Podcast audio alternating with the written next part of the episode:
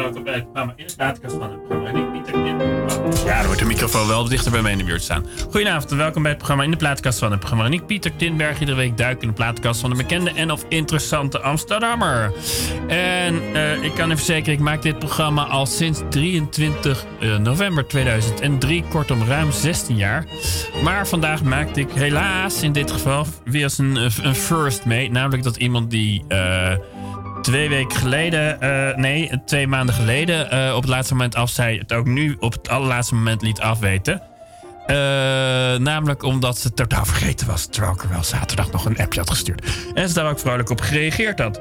Kortom, uh, een beetje pech, zoals dat heet. Maar uh, dat betekent weer improvisatie. Ik heb geen bus met gasten staan die dan denkt... Oh, dan kan was nog zo professioneel. is natuurlijk ook weer niet. Als u denkt, hey, ik woon in de buurt van Pakhuis de Zwijger. Kom vooral langs. Dan moet je me wel even mailen, appen naar 06 439 43. Ik herhaal 06 439 Stuur me een uh, appje of sms'je. Ik kom langs. Uh, en dan uh, heb je nog een uur, zoals het ware. Want om 10 uur stopt dit programma.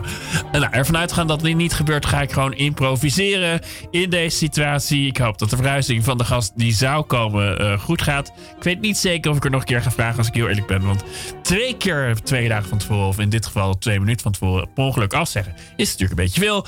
Dus we merken het wel. Ik, ik heb ook niet al te intens aangekondigd. En ze, nee, goed, verhuizen, kinderen krijgen. Dat zijn heftige dingen. Dus ik kan me er ook wel weer iets bij voorstellen. Hoe dan ook, dat is dus de reden dat er vandaag geen gast is. Uh, maar gewoon lekkere muziek. En nou, uh, gauwhoer van mijn kant. En mezelf kennen zal het gauwhoer naarmate de uitzending duurt steeds meer worden. En de muziek steeds minder. Uh, hoe dan ook, ik dacht er ook een beetje aan toen ik dit net één minuut geleden horen kreeg van haar. Van, hé, hey, ik was totaal vergeten. misschien dat we een groene uitzending doen. Uh, ik, uh, nee, wat je nu hoort is ook een groene cd, letterlijk. Maar dat terzijde. Uh, dit is namelijk Christopher kwartet uh, met Beethoven. En daar begint het, de uitzending altijd mee. En nou ja, op mijn, als je Pieter Tinbergen googelt en dan popmuziek, dan kom je als eerste tegen de Blues Brothers met Everybody Needs Somebody to Love. En eigenlijk vind ik dat ook wel helemaal oké okay mee te beginnen. Dus Beethoven gaat uit. Helaas, jammer Beethoven, jammer Christofori. En we gaan dus nu lekker luisteren naar de Blues Brothers met Everybody Needs Somebody to Love. One, two, one, two, three, four.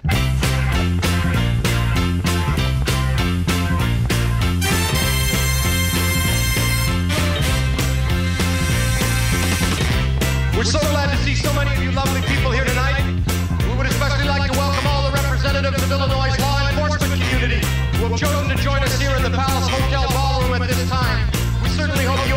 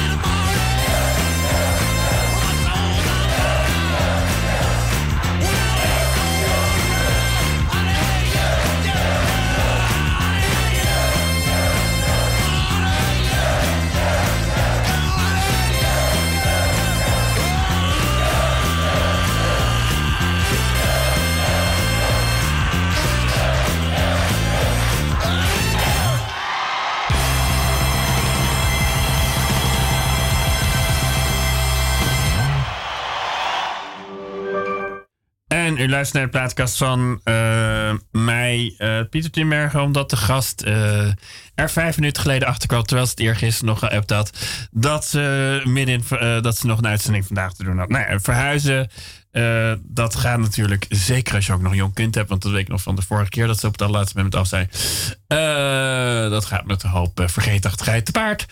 Um, dus nou, we vergeven er uiteraard maar uh, daardoor wel improvisatie. En wat ik net al had gezegd, dat uh, plan ga ik voltooien. Namelijk uh, dat deze uitzending dan in teken staat van groen en natuur. En daaraan denkend kwam ik al heel snel. Ik dacht, ja, klassiek muziek ben ik zelf een groot liefhebber van. En wat gaan we dus doen? hoe klinkt eigenlijk de winter van de vierjarige tijden van Vivaldi? Ik kan het concert wel meefluiten, maar ik weet eigenlijk zelf nooit welk seizoen je dan zit. Anderen zeggen dat dat heel goed te kunnen horen. En ik vind het allemaal als lente klinken. Um, dus, uh, nou, dat gaan we nu luisteren naar De Winter van Vivaldi. Een beroemd concert uit de 18e eeuw. En uh, luister mee, zou ik zeggen. Mentos Pure Fresh. Even kijken, dit was dus per ongeluk reclame. We moeten nog even drie seconden wachten. Uh, en dan kunnen we nu luisteren. Ja.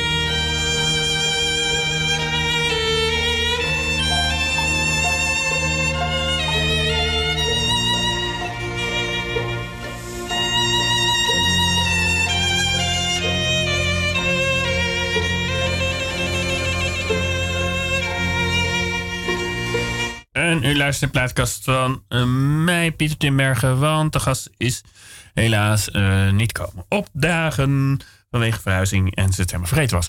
Um, en uh, zoals al aangekondigd, dacht ik, hé, hey, we gaan een groene uitzending doen. En uh, toen dacht ik, uh, ja, wat past nou bij groen, visionair? Nee, we gaan dus bij dieren houden. Nou, net hebben we net eigenlijk een beetje een soort verheerlijking van de winter gehoord. Met dierlantijntjes worden er weinig mensen die door het ijs heen zakt in de muziek. Het was meer het vrolijke schaatswerk. Althans, zo hoor ik het dan. Maar misschien heeft Vivaldi er hele andere dingen bij gedacht. En toen dacht ik, nou, laten we dan eens mijn lievelingsdier pakken. Uh, om het op een hele andere manier te benaderen. Ik heb echt geen idee naar wat we gaan luisteren. Ik heb het puur op YouTube mijn lievelingsdier opgezocht. En toen zag ik uh, als tekst staan: Otters aren't so as cute as you might think. En dat spreekt me aan. Otters, dat is dus mijn lievelingsdier, zijn niet zo schattig als je wel zou denken. Ik heb geen idee waar naar we gaan luisteren. Maar uh, wellicht dat we interessante nieuwe weetjes komen te horen krijgen over waarom otters wellicht niet zo schattig zijn als dat ze eruit zien. Nou, nu nog even reclame. En daarna ook een dier trouwens. Dat mag ik wel over de reclame zeggen. Ja, nu gaan we luisteren.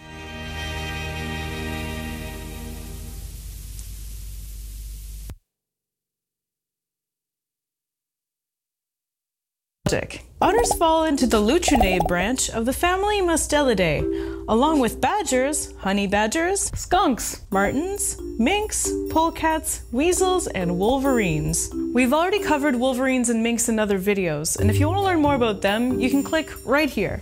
Otters are found all over the world in many wet habitats, such as rivers, marshes, lakes, and oceans. They dig dens along the shoreline, similar to beavers, which have tunnels and dry inner chambers.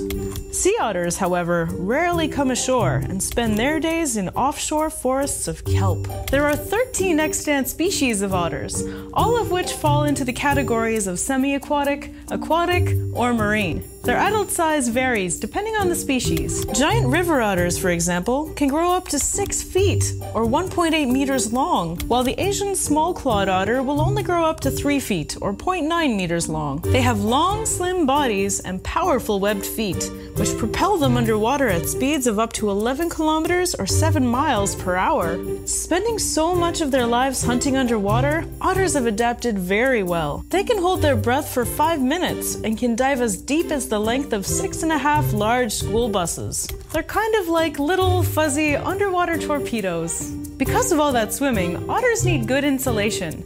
And they have it. Otters can have up to 1 million hairs per square inch, making their coat the thickest in the animal kingdom. Their coat is made up of two layers, between which warm air gets trapped. This keeps the otters dry and helps them float. In fact, baby otters have so much air in their coats that they can't dive underwater. While they are born with life jackets, otter pups aren't great swimmers. While mom's off hunting, she ties her babies up in kelp so they can't wander off, like a slimy green straitjacket. Most species of otter hunt for three to five hours each day, though nursing mothers usually hunt for upwards of eight. They have a high metabolism to keep them warm in the cold waters, and they have to eat 100 grams or 3.5 ounces of fish every hour to survive. Though they mostly subsist on fish, they also eat frogs, crayfish, and crabs. Sea otters, on the other hand, prefer clams, sea urchins, and other shelled creatures. Sea otters will even use stones to break open shellfish on their stomachs, a skill mother otters teach their pups. As we've seen in previous episodes, tool use is not unique to humans. Otters pick a stone that's ideal for cracking shells and carry it around in a pouch under their arm between meals. They generally prefer flat stones that are around the width of a large orange. Baby otters have been observed learning this behavior at as early as five weeks. They are chatty, social, playful animals. Though they spend most of their time hunting or sleeping, they also love to wrestle, play, and chase their tails. They form strong bonds and spend their lives in groups, which can be called a bevy, a family, a lodge, a romp, or, when in water, a raft. Asian small clawed otters are one of the few mammals in the world that mate for life. In fact, of the 5,000 mammals on Earth, only 3 to 5% are known to form lifelong bonds. In the case of the Asian small clawed otter, they form a family unit in which the female is dominant and rearing duties are shared equally between parents. Older offspring help raise the young and stick around until their parents die and the family unit disbands. But much like the rest of the animal kingdom, it can't all be sunshine and rainbows. When supplies are short, male otters have been observed taking baby otters hostage, holding them ransom until mother otter gives over some food. But wait, it gets worse. Male sea otters often forcibly have sex with baby seals until they die. A male otter will mount a baby seal and hold its poor little head underwater until it drowns. Some otters will continue to have sex with the decaying corpse for weeks. It's worth noting that this kind of thing happens pretty regularly in the animal kingdom, and it's not fair to judge animals by our standards. The morals that we live by aren't universal. Of the 13 extant otter species, scientists have found that, with the exception of the North American river otter, all of their populations are shrinking. Which I guess is a good segue to talk about their penises, which are also shrinking. Though scientists are puzzled as to why this is happening, it seems like the culprit is pollution. The same chemical that's linked to shrinking otter penises has also been associated with the decreasing quality and quantity of sperm in humans. Before we wrap this one up, I would also like to tell you about otter poop because otter poop is fascinating. Otters use their poop, or spraint, to mark their territory and to communicate with other otters. They're very organized creatures and have a designated pooping area separate from their dens. If you were ever to stumble into one of these poop zones, you'd be pleasantly surprised by the bouquet of aromas. Otter poop has been described as having a scent similar to jasmine tea. What animal should I check out next? Please let me know in the comments. If you want to En u luistert dus naar allerlei weetjes over de otter. Uh, nou, al zeg ik het zelf qua snel googelen. Het viel niet tegen. Um, degene die u hoorde trouwens uh, was uh, Danielle Dufo. D-U-F-A-U-L-T. En het is Animal Logic. Kan je dit op vinden als je het nog een keer wil kijken met de benodigde plaatjes. Nou, mensen die geen Engels konden. Wat ik er vooral onthouden heb is dat otters op zich wel heel lief zijn. Uh, maar dat het, uh, nou, de klimaatverandering er ook voor zorgt. Niet alleen dat we inderdaad de klimaatverandering hebben, maar ook het gif dat in de wereld komt en zo in, in het water. Ook voor zorgt dat kotters steeds kleinere piemels krijgen. Um, en nog meer details. Kortom, een leuk filmpje. Uh, u luistert naar de plaatkast van mij eigenlijk in de praktijk nu. vanwege de gasten die als zij. En um, uh, ik had al gezegd, het wordt, een beetje een groene uitzending. Dus op basis daarvan ga ik een beetje nou, uh, nadenken over wat dan leuk is. Niet zozeer groen in de GroenLinkse zin van het woord, zou ik maar zeggen, hoewel ik daar erg voor ben. Maar meer uh, gewoon zin in, nou, groen in de zin van natuur. Maar misschien dat er ook nog een soort visionair iets aankomt. We zullen het wel zien. In ieder geval hoort daar natuurlijk dan wel al heel snel bij als je natuur en muziek denkt. Um, Eigenlijk met name vanwege de clip, maar hij is zo bekend dat ik denk dat de meeste mensen die het niet zullen ook wel de clip erbij zullen bedenken. Uh, briljant nummer. Uh, Art Garfunkel met Bright Eyes over natuurlijk uh, de konijntjes. Die mooie clipje over die konijnen. Trouwens, dat gaan we denk ik ook straks Paul McCartney. Wat zullen we daarvan zeggen? Met, met padden. We het toch over dieren en, en en muziek hebben. Uh, dus die gaan we denk ik zo draaien, spelen. Maar nu gaan we kijken naar uh, luisteren. Ik kijken, maar jullie luisteren. als je YouTube erbij pakt, ook kijken. Uh, naar Bright Eyes, gezongen door Art Garfunkel. over hoe heet het? Nou ja, naar aanleiding van natuurlijk dat ene boek waar ik dan weer net niet op kan komen. Maar we gaan er nu in ieder geval naar luisteren. Briljant nummer, briljante clip, briljant alles.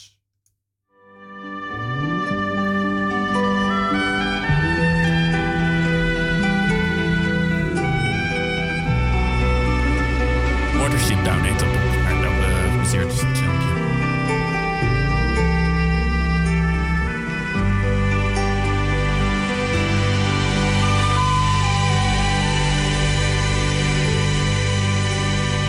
Is it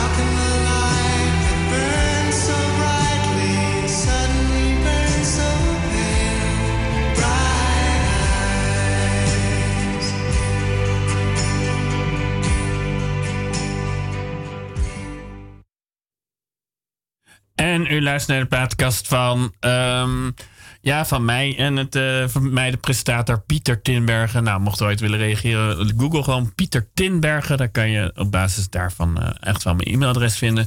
Kan, eh, kan eh, en dan, nou, reageer op dit programma als je er zin hebt. Als je denkt, hey, ik ben wel nieuwsgierig naar nummers die hier gedraaid worden. Als je Pieter Tinbergen YouTube zoekt. Eh, een aantal van de nummers die hier draai, eh, gedraaid worden, lang niet allemaal, want het zijn er vele duizenden geweest in de afgelopen 16 jaar. Maar goed, een aantal daarvan heb ik eh, gezet op het YouTube-kanaal. Behoorlijk willekeurig, moet ik zeggen. Met name natuurlijk als mensen YouTube-linkjes meenemen. En dan moet ik er nog even aan denken. Of het is eh, dat ik er wel een speciale herinnering heb, wel heel lang geleden dan. Ehm, maar omdat de gastprogramma niet kan opdagen. Uh, nou, mochten jullie het gelezen hebben. Ik heb inmiddels besloten gewoon zelf een keer met er een drankje te drinken. Twee keer na twee keer. Dus dat gaat helemaal goed komen. Alleen niet voor de radioluisteraar. Dus dat is natuurlijk jammer. Maar goed, ehm, hoe dan ook. eh, dit is een e- uitzending in teken van groen geworden. En als we het over groen hebben. Dan hebben we wat mij betreft op een gegeven moment toch ontkomen niet aan die man. Die man die eh, in 2018 9 op 12 februari werd geboren. Binnenkort dus eigenlijk. Precies eh, 111 jaar geleden. Nou, niet zo heel bijzonder in dat opzicht. Maar toch, eh 12 februari 1809 werd hij geboren. Lincoln? Nee, niet Lincoln. Niet Lincoln. Ook, ook Abraham Lincoln. Maar ik heb het natuurlijk over Charles Darwin. Darwin werd op 12 februari 1809 geboren in Engeland. En hij is met een theorie gekomen waar we eigenlijk... eh, ja, eh, dat, dat de wereld op zijn kop zet, heet het dan altijd zo prachtig. Het viel wel mee, eh, de, de selectie van... eh, de natuurlijke selectie die altijd naar doorgaat, was niet compleet nieuw. Alleen hij bracht het wel in een daglicht. Waardoor mensen toch een beetje schrokken en dachten: Oh, zijn we dus afgestampt van apen en dat soort dingen. Nou, wat heel veel, vaak verkeerd begrepen wordt, is dat het altijd lelijk vertaald wordt als survival of the fittest. Datgene, ik vind eh, de, dat, datgene wat het sterkst is, overleeft. Zou ook bij spreken een goede reden kunnen zijn om mensen in elkaar te slaan bij spreken. Want de sterkte overleeft tenslotte. Nou, zo is het, zeg maar, Trumpiaanse denkbeeld. Maar zo is het godzijdank niet. Het is namelijk datgene wat het meest fittend past, het meest passend is, datgene overleeft. En dat kan dus ook betekenen dat je gewoon iets slims hebt bedacht. eh, waardoor je opeens eh, eh, makkelijker, ja, als jij een slimme manier weet van je voedsel te vinden, dan wil dat helemaal niet zeggen dat dat is door veel kracht. Maar dan kan het ook bijvoorbeeld zijn omdat je een, met een, bijvoorbeeld, je werd geboren met de afwijking, namelijk slurfje, maar opeens blijkt die slurf heel handig te zijn. En dus overleef jij makkelijker dan iemand zonder slurf. Eh.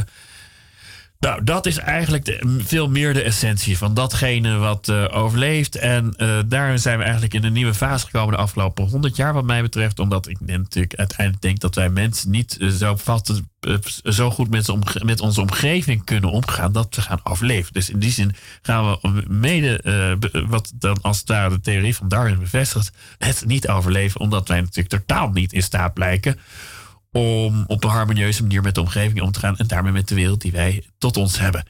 Ehm, wat geen erg jammer is, want ik denk wel dat de mensen de enige zijn met een grote da- bo- basis, eh, dosis verbeeldingskracht. En dat maakt de mens, vind ik toch, ik ben niet helemaal objectief want ik ben zelf mens, eh, een van de leukste dieren van, eh, die er bestaan. Met de otter natuurlijk, en het varken, en de dolfijn. En nog een aantal die toch wel tot mijn favoriete dieren behoren. Ehm, eh, nou, ik heb geen dolfijn in het filmpje gevonden, maar ik dacht, nou ja, Gauwer van mij is natuurlijk altijd leuk. Maar we gaan kijken. Dacht, ik ga ook weer willekeurig een beetje zoekend. En kijk in, in, het Engels nog Darwin in zo'n pakweg twee, drie minuten goed uitgelegd wordt. Ik hoop het. Ik heb in ieder geval een filmpje gevonden van drie minuten. Charles, The Theory of Natural Selection. Eh, en ik zie op dat filmpje giraffen getekend en wel staan. Dus het gaat nog een keer even uitgelegd worden. Het is net al een beetje naar mij uitgelegd, maar dan in drie minuten. Een filmpje gemaakt door Chris, Chris Moschinski. En daarna gaan we gewoon weer muziek doen.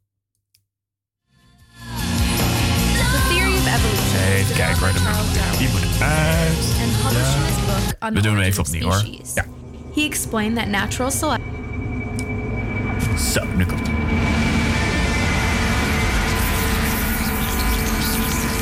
The theory of evolution was developed by Charles Darwin and published in his book on the origin of species.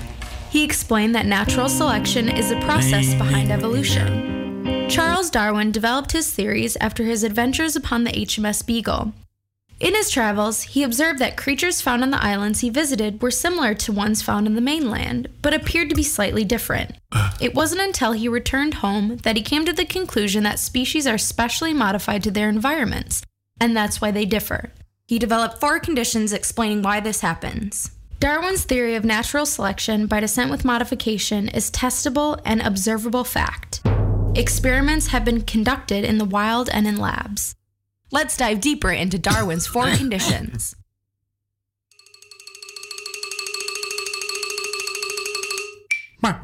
Condition number one individuals within a population differ. There are features that differ within populations of the same animal. In our case, the feature that varies between our giraffes is neck length. Some giraffes were born with long necks, some were born with short necks. Condition number two the differences are, at least in part, passed from parents to offspring. Darwin's descent with modification is the idea that offspring are fairly similar to their parents with some genetic differences. Condition number three some individuals are more successful at surviving and reproducing than others. In the case of our giraffes, the long neck individual did not acquire its neck by stretching to grab the leaves.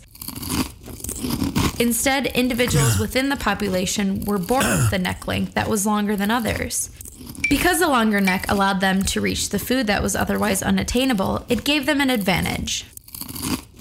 Condition number four the successful individuals succeed because of variant traits they have inherited and will pass on to their offspring.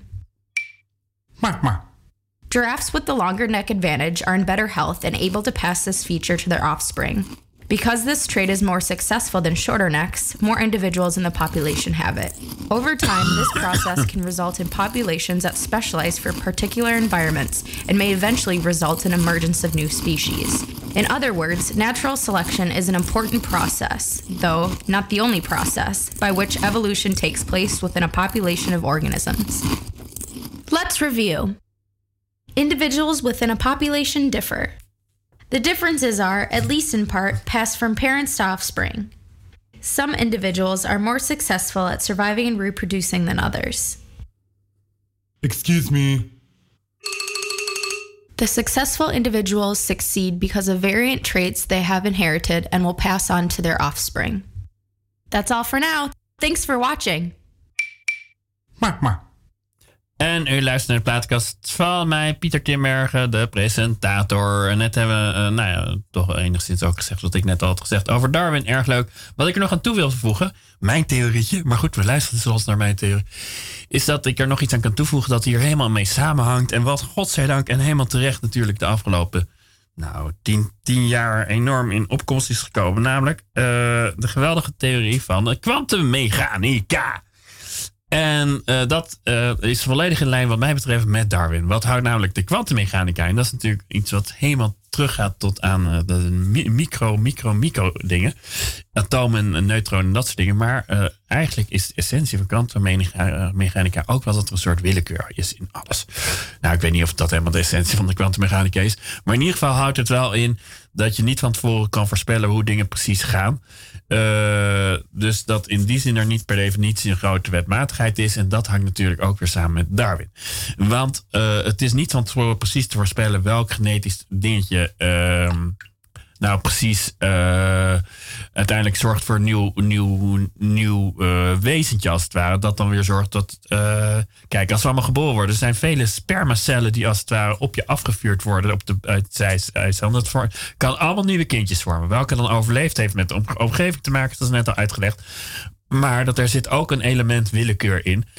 En in die zin ehm, geloof ik er wel heilig in dat er een soort willekeur is. Dat, dat leidt tot mazzel en niet tot wetmatigheid. En dat hangt volgens mij ook samen. Er had met vanuit precies hetzelfde Darwinistische principe ook een hele andere eh, wereld kunnen ontstaan. Eh, ook bijvoorbeeld die komeet. Nee, goed, het heeft met allerlei dingen te maken die ook. Het toeval is een enorm belangrijk element, ook binnen Darwin. Eh, dus dingen zijn niet van tevoren voorspellen. En dat maakt het leven ook erg mooi. Ehm, eh, en eh, nou, dat wilde ik er nog aan toevoegen. Dus ik denk dat kwantummechanica en Darwinisme... Nou, ongetwijfeld is het al gebeurd, maar ik heb het nog niet gevonden. Die moeten maar eens goed met elkaar vermengd worden. En dan wordt de wereld nog wonderlijker dan dat ze toch al is. Eh, maar nu gaan we weer even luisteren naar onvervalste muziek. En nou ja, we hebben net konijnen gehad en... en winter gehad. En die twee gecombineerd zorgt voor paarden in winter. En dat wordt gezongen, bezongen door Tori Amos met Winter. Even kijken, nu nog even reclame. En dan nu. Juist.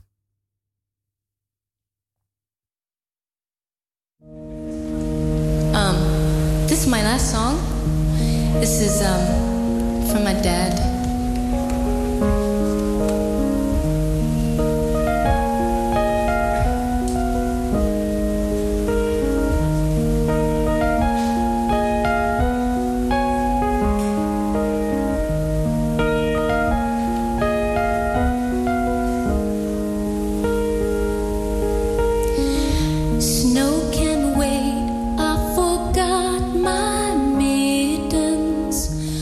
Wipe my nose. Get my new boots on.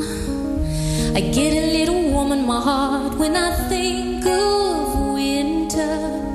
I put my hand in my father's glove. I run off where the drifts get deeper. Sleeping beauty uh, trips me with a frown.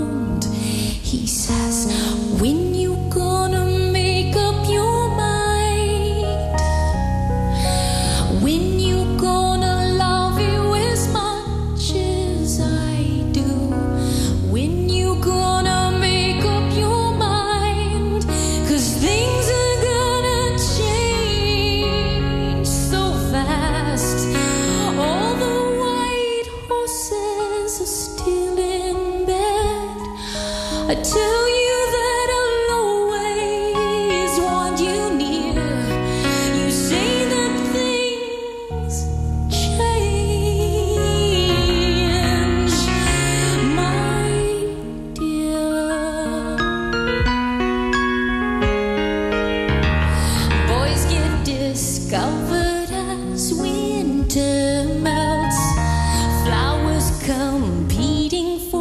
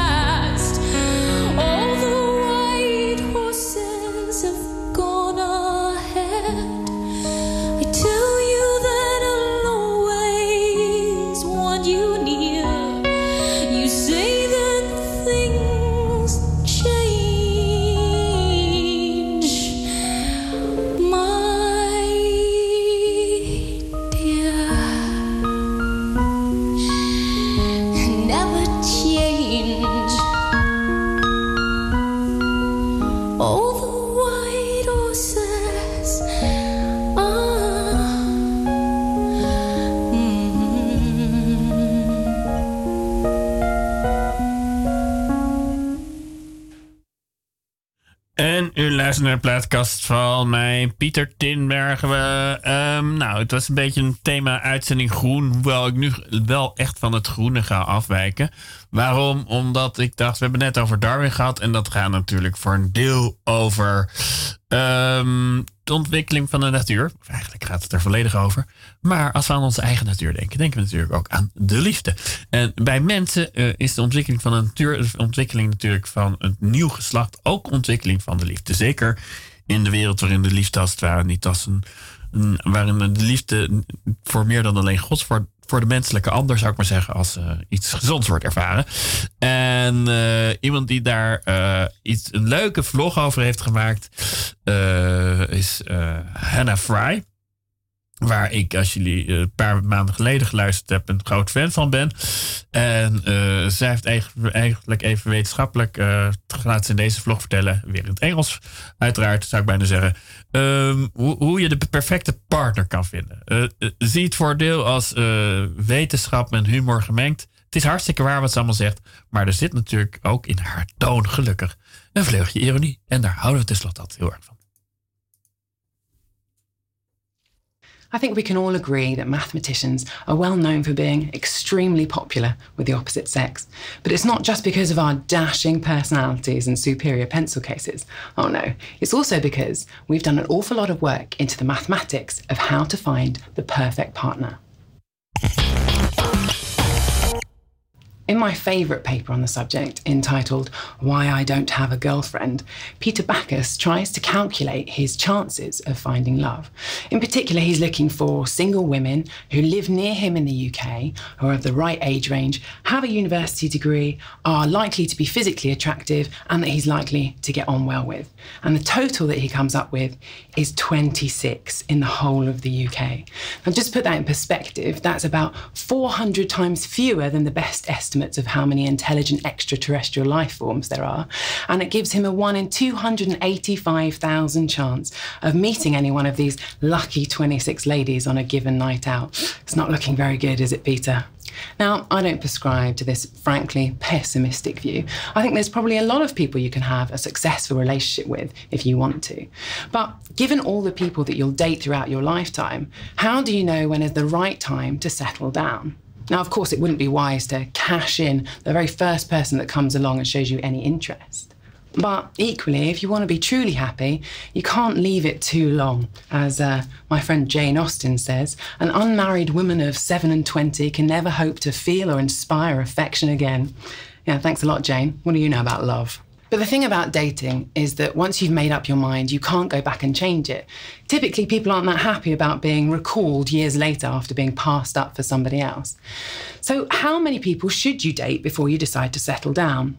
Now, if only there was some kind of a mathematical formula or a dating strategy that we could use to help us. But wait, there totally is, and it's called optimal stopping theory. So let's say that you start dating about roughly 15 years old, and ideally you'd like to settle down about 35.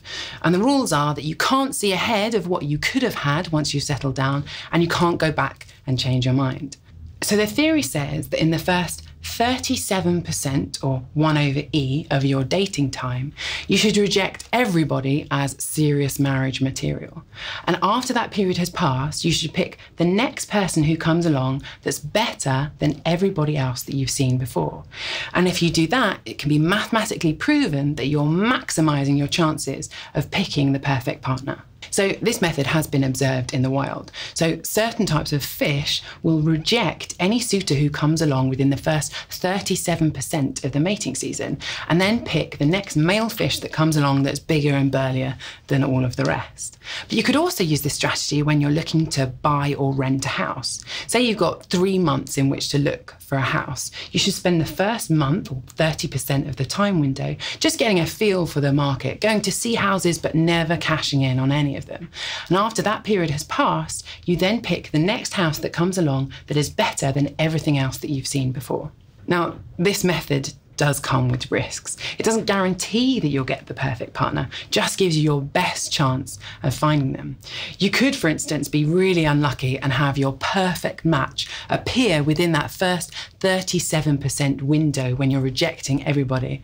And if that's the case, unfortunately, the math says that you need to grow old alone and probably be surrounded by cats.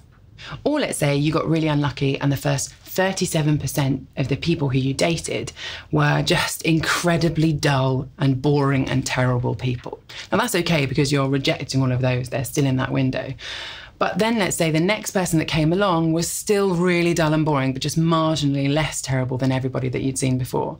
If you're following the maths, you should marry that person and get trapped in a relationship which is frankly suboptimal. Um, sorry about that. But if everybody followed this strategy, then one in three people who do can settle down safe in the knowledge that maths says that they've done the very best that they can. Talking of perfect partners, Tom and Andrew have just done a new video. And if you want to see some more of my favourite videos, you can check out my playlist. Het regende zon. Die dag in het.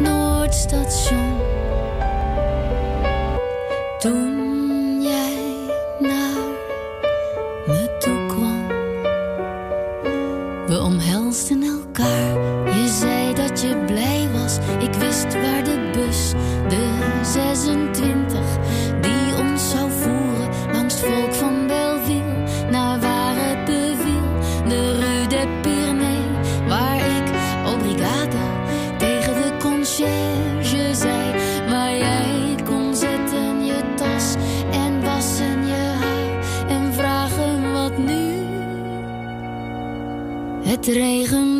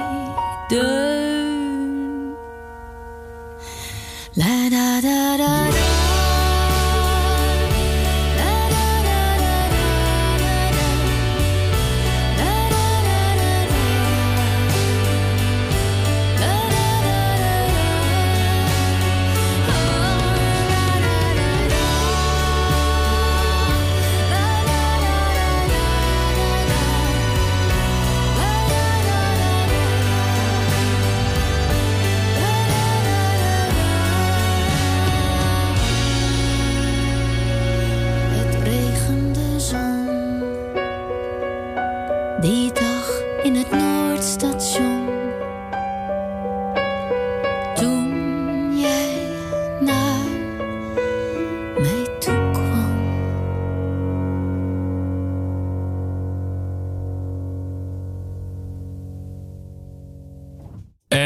En En u luistert naar de plaatkast van mij. En het is eh, van de groene uitzending eigenlijk eh, een beetje een Darwinistische uitzending. Nou ja, van alles wat uitzending geworden. In ieder geval, ehm, net eh, dacht ik, moeten de zon even centraal stellen. En Ellen ten Dam is natuurlijk mooi om naar te luisteren. En ook weer eens even Nederlandstalig. En nu we toch met Nederlandstalig bezig zijn, toen zat ik ook te denken... Hey, de dier als mens, de mens als dier... wie heeft dat eigenlijk beter gedaan in de Nederlandse geschiedenis op beeld dan Bert Haanstra? Ja, het is al een tijdje geleden, ruim 50 jaar. Eh, sterker nog, even kijken, 1961 gaan we een stukje film van luisteren. Het is een film gemaakt. Maar eh, ik moest eraan denken waarin hij mm, de beschouwers in Artes eh, filmt. En dat deed hij natuurlijk met zijn eh, geniale stem erbij. Dus ik weet totaal niet wat ze precies gaan horen. Maar een stukje van, film de film van Bert Haan- Haanstra... waarin hij bezoekers van Artes gefilmd heeft. En eh, nou, gezien zijn manier van observeren... zou je de mens als dier in zijn volledige glorie... ongetwijfeld gaan beluisteren.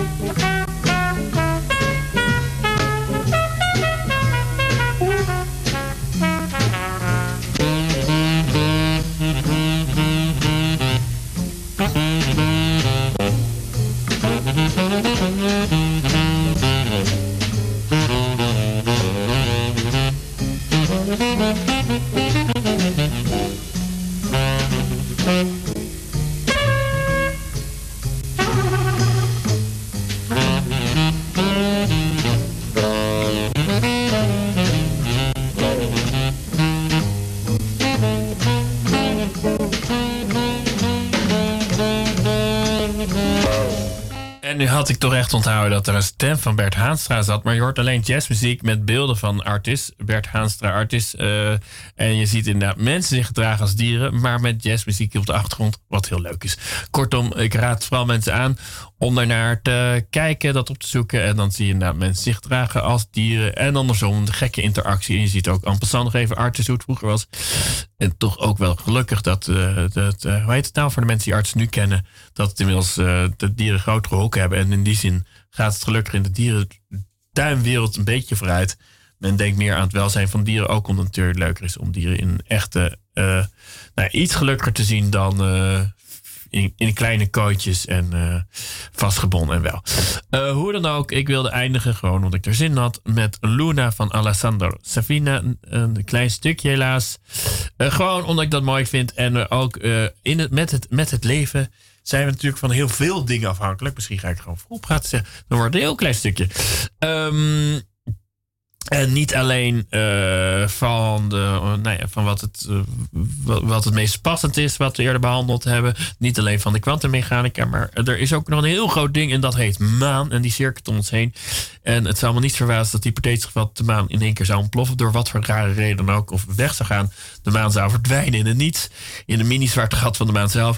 Dat we ook niet zouden overleven. Kortom, ehm, we zijn op een rare manier met z'n allen ook van die rare maan afhankelijk. Eh daarom gaan we nog een klein stukje luisteren naar La Luna van Alessandro Safina. En dat gaan we over vijf seconden doen. Ja.